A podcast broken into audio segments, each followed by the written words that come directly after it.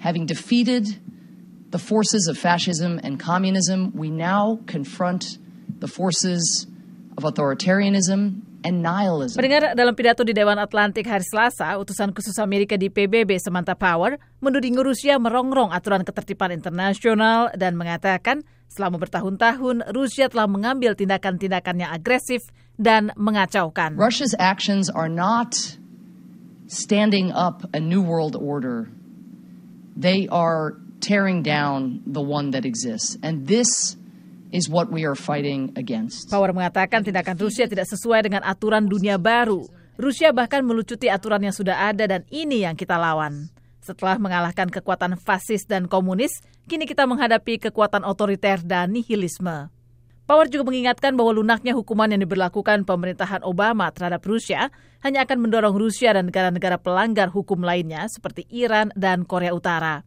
Badan-badan intelijen Amerika menuduh Rusia telah mencampuri pemilu presiden baru-baru ini, suatu tindakan yang menurut Power seharusnya menimbulkan keprihatinan setiap warga Amerika.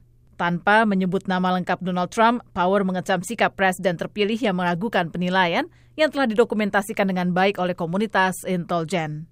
Pidato Power disampaikan beberapa jam setelah Presiden Rusia Vladimir Putin menyangka laporan bahwa Kremlin telah memperoleh informasi yang bisa merusak reputasi Presiden terpilih Donald Trump. Dalam perkembangan lainnya, Wakil Presiden Joe Biden hari Rabu mengingatkan negara-negara Eropa agar bersiap menghadapi upaya Rusia mempengaruhi pemilu mereka dengan cara-cara yang sama seperti yang dilakukan terhadap pemilu Amerika November lalu hingga terpilihnya Donald Trump. Sebagaimana disampaikan badan-badan intelijen sebelumnya. For the members of the media in the audience, I want to make it clear that I'm not referring when I say the world is uneasy. I'm not referring to the imminent transition of power in my country, and I mean that. In two days, there will be a new president of the United States. But there's no Saya perlu mengatakan pada Anda semua, ujar Biden, bahwa yang menjadi sasaran bukan hanya Amerika. Eropa juga telah menjadi sasaran serupa pada masa lampau. Mengingat banyak negara di Eropa akan melangsungkan pemilu tahun ini, kita harus bersiap menghadapi upaya Rusia lebih jauh untuk mencampuri proses demokrasi. Saya bisa katakan ini akan terjadi lagi.